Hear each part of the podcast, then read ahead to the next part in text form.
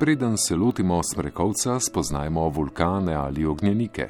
To so globoke razpoke v zemljini skori oziroma litosferi, skozi katere na zemljino površje izhajajo razstaljena kamninska masa, piroklastični material in vulkanski plini.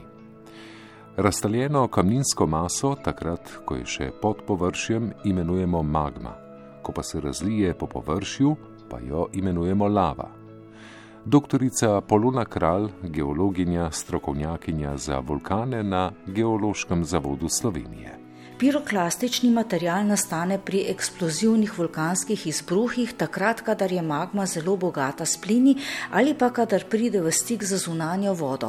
Takrat se magma razprši na različno velike drobce, ki jih imenujemo piroklasti, in te piroklaste, glede na velikost, razdelimo na vulkanski prah, vulkanski pepel, lapile, vulkanske bombe, vulkanske bloke. Kaj pravzaprav je vulkanizem? Vulkanska aktivnost je občasno izhajanje lave, piroklastičnega materijala in vulkanskih plinov na zemljino površje. No, s kopičanjem tega vulkanskega materijala na zemljinem površju pa nastajajo te značilne oblike, se pravi vulkanski stožci, stratovulkani, ščitasti vulkani, tufski obroči, veliko je teh oblik. No, in pravzaprav vulkanizem je po eni strani sinonim za vulkansko aktivnost, na drugi strani pa obsega vse procese in pojave, ki so povezani z vulkansko aktivnostjo. Naprimer, to je tektonsko okolje, kjer se pojavljajo vulkani, potem je zgradba, oblika vulkanov, potem je sestava, oblika, razprostranjenost vulkanskih kamnin, nastanek magam, njihovo dvigovanje proti površju, procesi blizu zemljinega površja, zaradi katerih se magma bodi si izlije kot lava ali pa pride do vulkanskega, do eksplozivnega izbruha, pa tudi eh, načini prodiranja piroklastičnega materijala v zrak, v zračni medij ali pa v vodo, in pa tudi načini gravitacijskega usedanja piroklastičnega materijala iz zraka ali vode. Kje vse pa najdemo vulkane? Je tu kakšna zakonitost, oziroma ali so vulkani ja. vezani na določeno geološko strukturo? 90 odstotkov vulkanske aktivnosti na Zemlji je povezanih z gibanjem litosfernih plošč, ki se lahko med sebojno približujejo ali pa razmikajo. In 80 odstotkov vsega vulkanskega delovanja na Zemlji se dogaja na dnu oceanov. Najbolj aktivno vulkansko območje je danes na Zemlji cirkumpacifični ognjeni obroč, ki se razteza od Andov preko Srednje Amerike, skalnega gorovja, Aljaske, Kamčatke, Japonske, Filipinov, Indonezije, Papuje, Nove Gvineje, Nove Zelandije do otočja Tonga, Kermadek. No, deset odstotkov vulkanske aktivnosti pa se pojavlja v tako imenovanih vročih točkah v zemljini litosferi. Na teh mestih je astenosfera, to je zgornji del zemljinega plašča, prstasto dvignen proti zemljinemu površju in zaradi tega prihaja do intenzivne vulkanske aktivnosti. Takšne vroče točke so naprimer danes Havajsko otočje, Islandija, Yellowstonska kaldera, pred tremi milijoni let pa je bila vroča točka tudi na območju Goričkega oziroma tudi Štajerskega bazena in pa male mačarske ravnine.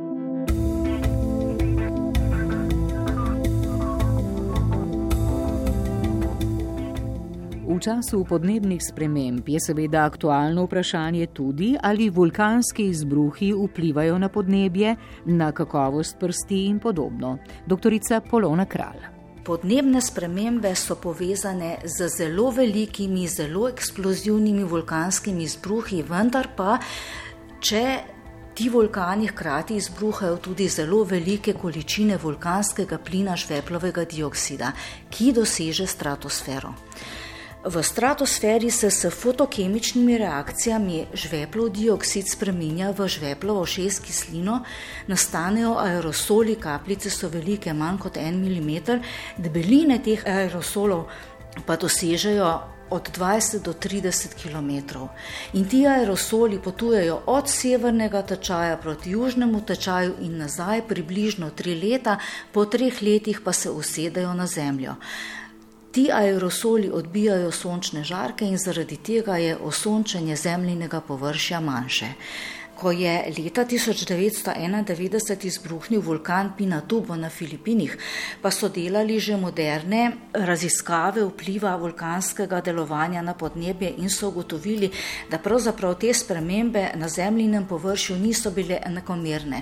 Naprimer, Na arabskem polotoku in v vzhodnem delu Severne Afrike so bile povprečne letne temperature res za 4 stopinje nižje od dolgoletnega poprečja, v Skandinaviji pa so bile istočasno za 4 stopinje više. Prvi podatki o podnebnih spremembah povezanih z vulkanskim delovanjem segajo v leto 1783. Benjamin Franklin je opisoval modrikaste suhe meglice, skozi katere sončni žarki niso mogli prodreti, in tisto poletje je bilo v Severni Ameriki in v Evropi poletje brez pridelka. Naslednje leto, 1784, so osrednjo Evropo, predvsem Nemčijo, prizadele tisočletne poplave in sledila je eh, velika lakota, ker ni bilo nikakršnega pridelka. 1815 pa je v Indoneziji izbruhnil vulkan Tambora in takrat so v Evropi in Severni Ameriki prav tako zabeležili najnižje povprečne letne temperature v predhodnih 200 letih.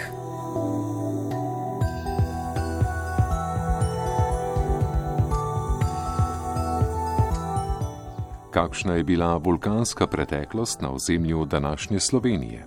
Doktorica Polona Kralj. Na današnjem ozemlju Slovenije najdemo najstarejše, to je paleocojske vulkanske kamnine, stare približno 541 do 525 milijonov let v pohorskem metamorfnem masivu v tako imenovani štalensko-gorski seriji.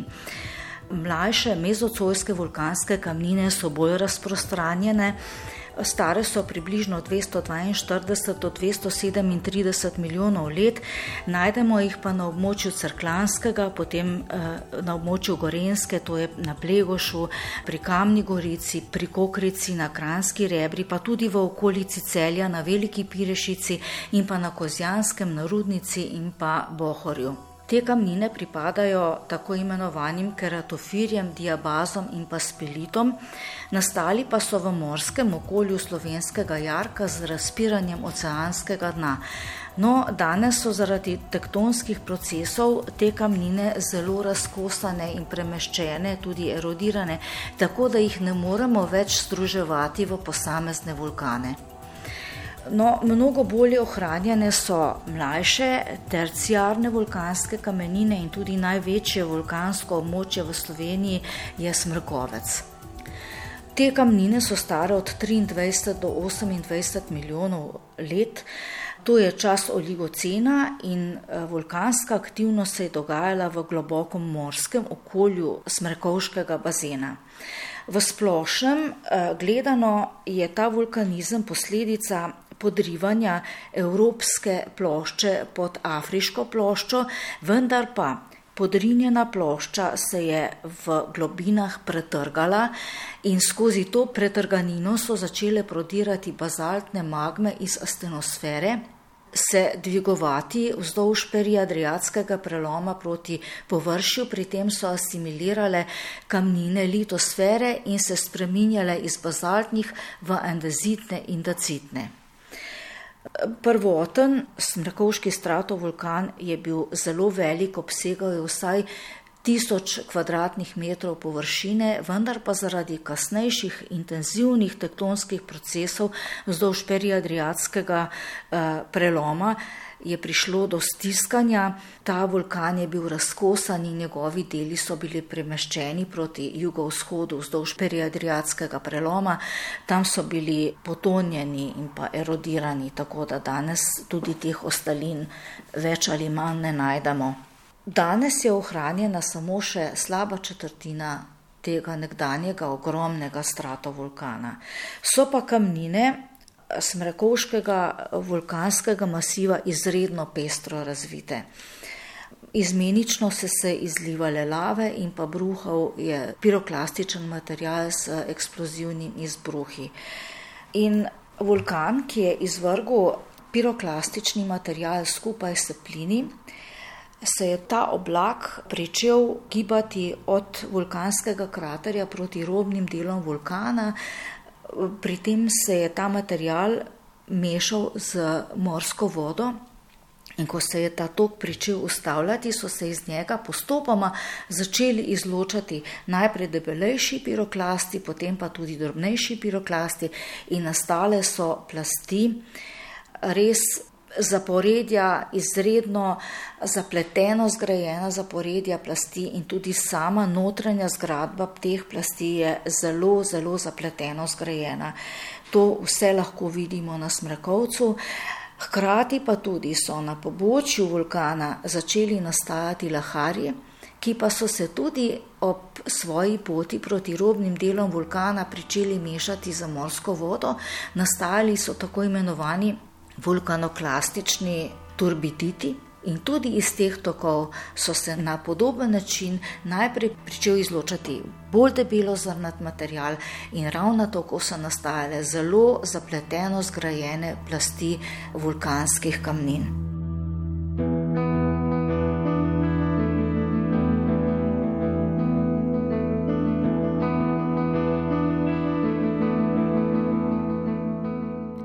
Intenzivni procesi, ki so se odvijali ob izbruhu Smrekovškega vulkana, so opustili sledi, ki so vidne še danes. Doktorica Polona Kralj. No, lave so se na stiku z morsko vodo začele zelo hitro hlajati, se nekako drobiti, razpokati, tako da danes eh, na Smrkovškem masivu vidimo zelo pogosto razpokane lave, ki izgledajo kot sestavljene iz ostrorobih delcev, to imenujemo avtobrečirane lave. Na drugi strani pa so te lave tekle lahko tudi čez nekonsolidiran piroklastičen material, ki je bil prepojen z vodo in nastajale so posebne vrste kamnin, imenujemo jih peperiti, dobesedno mešanice lave in pa mokrega piroklastičnega materijala.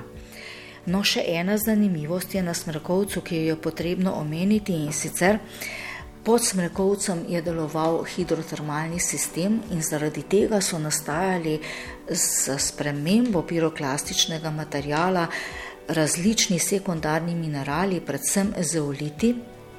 To so lomontit, hulantit, analcim in pa tudi v svetovnem merilu zelo redek jugavaralit pa tudi sorodni kalcijski alumosilikati, kot so pranit, pumpelit ali pa epidot.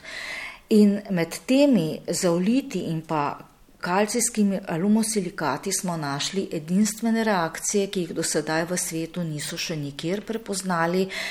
No, to je plot zelo dolgoletnega dela, ki ga je omogočila javna agencija za raziskovalno dejavnost Republike Slovenije, za kar smo tukaj na Geološkem zavodu zelo hvaležni. Poleg tega smrekovškega vulkana pa imamo na območju Goričkega tudi mlajši vulkan, star je okrog 3 milijone let in je pliocenske starosti, deloval pa je na kopnem v okolju prepletenih rek.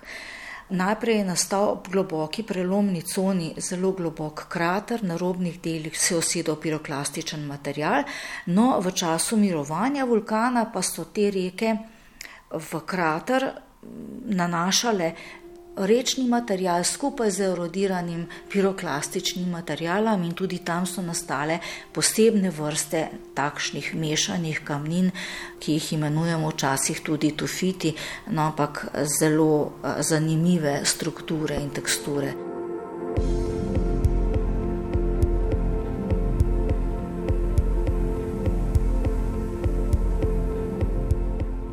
Pa se odpravimo na Smrekovec.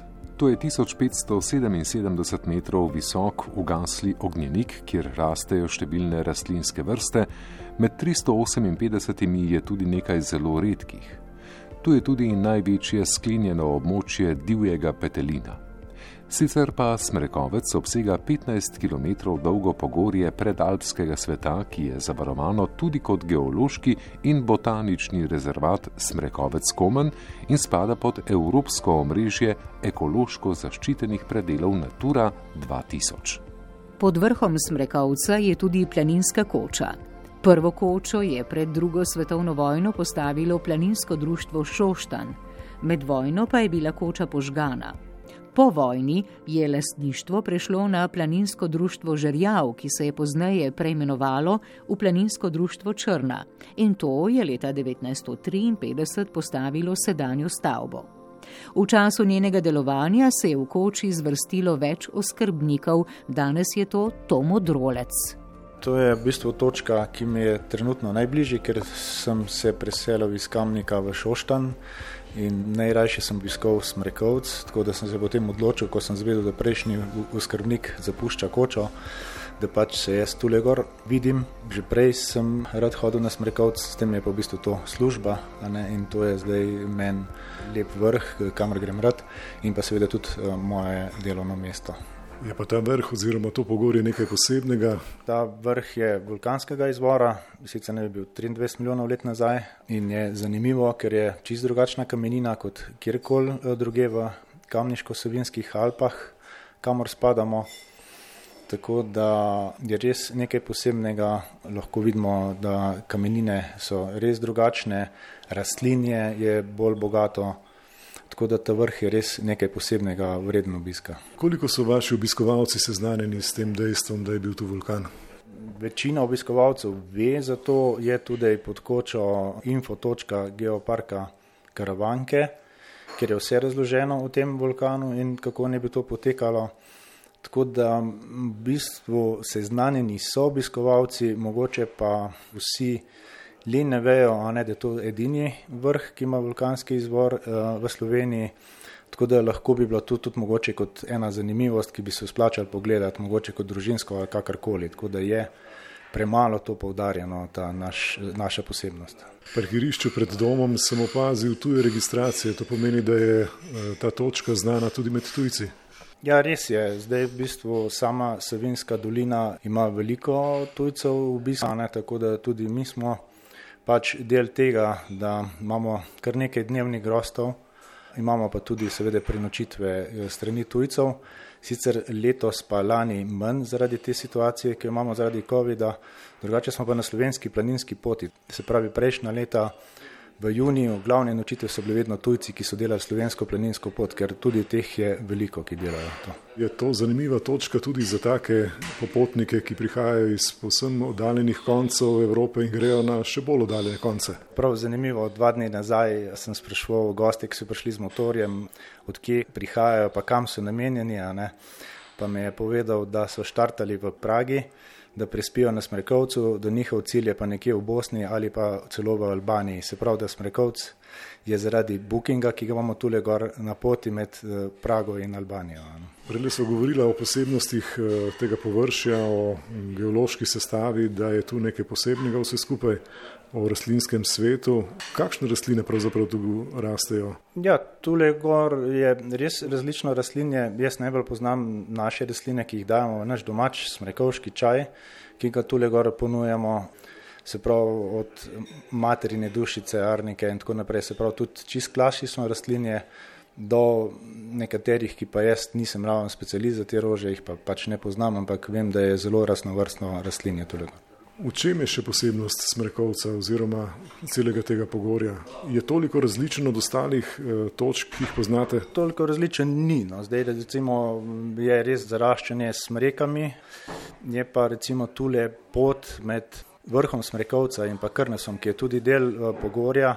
Je na odprtem, se pravi, je pašnik vmes, izredno lepi razgledi so tule, glede na sredogorje, da smo Tako da imamo pa tudi pa lep pogled proti Avstrici, pa se pravi eh, centralnim kamniško-sevirskim Alpam, tako da je vedno užitek iti tule, pa vedno nekaj novega ponujajo razgledi tule okrog. Ker ste na slovenski planinski poti, je tu še kakšna pot oziroma kakšna tematska pot vezana na smrkovec? Prav tematskih poti v bistvu ni. Ne. Je pa tako, da recimo na Smrekovcu je tudi ta značilnost, da smo na meji treh dolin, Savinske, Šaleške in pa seveda na oni strani Črne in pa Koroške. Tako da a, poti vodijo z vseh teh smeri in tudi naši gostje, te bližnji v bistvu prihajajo z vseh treh dolin. Tako da smo v bistvu tle neke, neko stičišče med temi tremi dolinami. Kaj pa načrti za prihodnje? Načrti za prihodnje so to, kar so že mogoče prej malo omenila, da ljudje v Sloveniji, se pravi naši, ne poznajo te točke kot hriba vulkanskega izvora. Tako da velika želja je, da bi pač ta hrib uspel predstaviti ljudem kot to zanimivost, ta vulkan.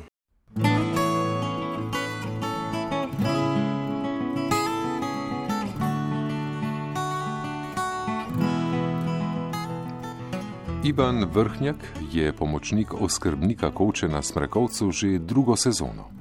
Zanimivo je, kako ga je življenjska pot zanesla v to kočo. Ivan je doma iz Velenja in razen na Uršljo goro v hribe ni zahajal in tudi na Smrekovcu ni bil nikoli. Dobrih deset let sem živel v Londonu, v Angliji, pa prepotoval sem kar dosti sveta. Ne?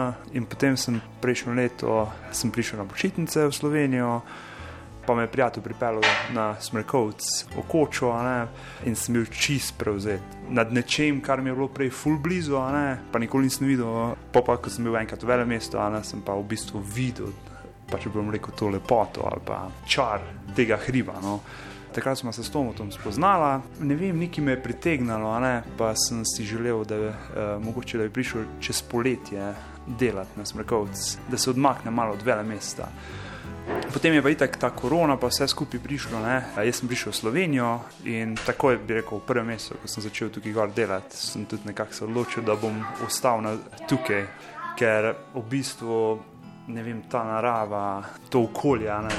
Nič se ne more primerjati v mestu ne, s tem. Pa te bom rekel, ne, ko sem živel v mestu, sploh zadnjih nekaj let, ne, sem se zelo zatekel v naravo. Se pravi, London ima zelo lepe, urejene parke ne, in uh, bi rekel, vsak prosti čas, ko sem ga lahko izkoristil, sem ga poskusil izkoristiti v naravi, a ne pod narekovaji, je le človeško ustvarjena narava, bila, kar se parkov tiče. Ne. Tole tukaj je pa, bom rekel, ne moreš primerjati. No, ne moreš primerjati. Tako da smo, ja, smo se s Tomom potem dogovorili, jaz sem prišel gor, tako da sem zdaj že kar leto pa pol tukaj pomagam Tomu, tu, se pravi, ko Tomu ta ni, jaz urejam stvari, zelo super sodelujemo in uh, res je super, no, res je fajn, fajn okolje. Tudi tako zanimivo, ne, recimo, za kontrast, ne, zelo zanimivo je, ko sem prišel. Bom rekel, nisem spoznal skoraj nobenega hriba tukaj. Prvič sem bil na vrh Smrekovca prejšnjo leto v maju. Tule je tak izziv K24, se reče. In kot tekač, kot športnik, ne, sem se nekako tukaj ne moreš poravnem laufati, ne, oziroma teči. Tega sem pol uh, se zelo navdušil nad gorskim tekom in sem spoznal vsak kotiček uh, Smrgovškega pogorja. No, te, da je res enkratno. No. Zdaj, če me ljudje vprašajo, ki je to, ki je ono, ne, poznam skoraj vsako korenino, medtem ko recimo eno leto nazaj ali pa leto popolno nazaj, sploh še nisem bil na vrhu. Se vam še kdaj sanja o velem mestu, glede na to, da ste bili deset let tam, sedaj pa tak preskok? Ne, sploh ne. Mislim, niti mi na misel ne pride. Res je, da imam tam prijatelje, Ana, ki jih seveda še želim videti, pa ne, se podružiti z njimi, ampak da bi pa se mogoče kdaj nazaj preselil. Bom rekel, tudi če bi bila kakšna super poslovna priložnost, eh, se ne bi odločil, vredno. No. Eh, zelo velika vrednost, da ne.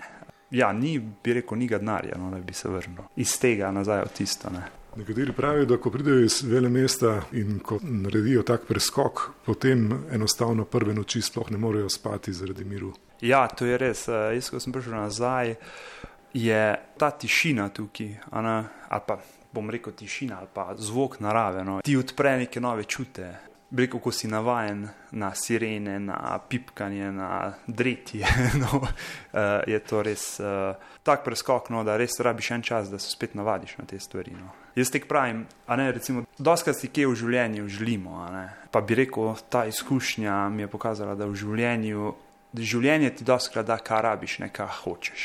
In mislim, da sem tudi po tokem času življenja v velem mestu, sem rabo nekaj takega. No, tako da, neprecenljivo, no, kaj ne rečem.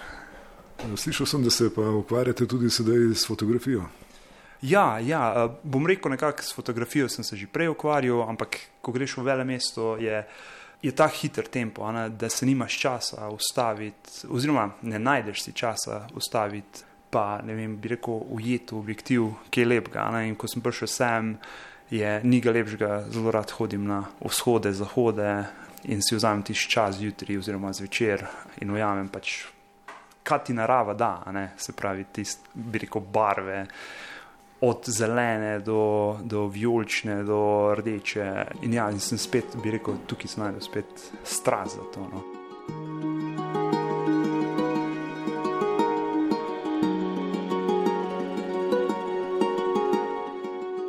Naš potep po Smrekovcu, ostanku starega vulkana, začinimo še z nekaj nasveti, na kaj naj bomo pozorni, če nas pot zanese na rob kraterja kakšnega še delujočega vulkana. Doktorica Polona Kralj. Na aktivnih vulkanskih območjih obstajajo številne vulkanske nevarnosti. Ena najbolj smrtonosnih, najbolj uničujočih oblik eh, vulkanskega delovanja so piroklastični tokovi.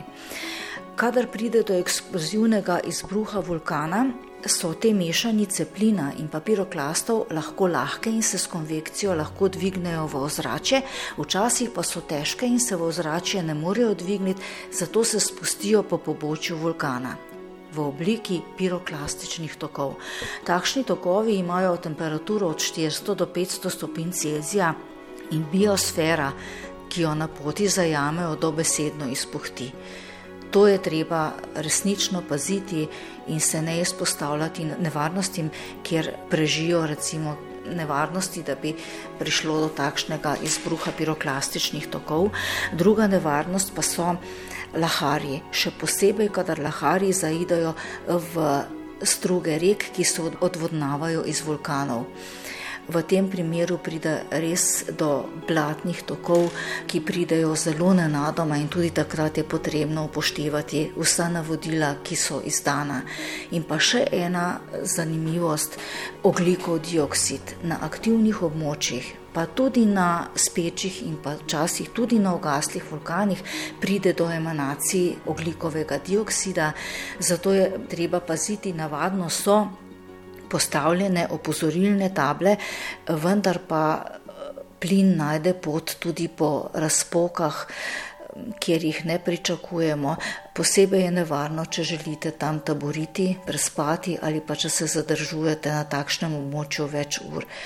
Posebej, kadar je slabo prezračeno, tako da pazite, ko boste prišli v takšna območja aktivnega vulkanizma. Slovenija leži na tako imenovani Eurazijski plošči, najbližji vulkani so v Italiji, to so Etna, Vezu in Stromboli, in pa v Grčiji Santorin. Sicer pa na našem ozemlju strokovnjaki v bližnji in tudi daljni prihodnosti kakšnih vulkanskih aktivnosti ne pričakujejo.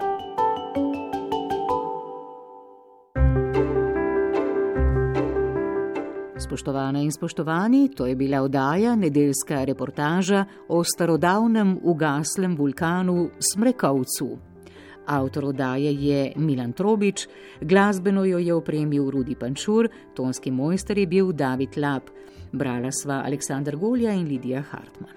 Oddajo lahko spet slišite na spletni strani radio1.js, kjer najdete tudi zapis in fotografije dostopna pa bo tudi v vaši aplikaciji za podkaste. thank you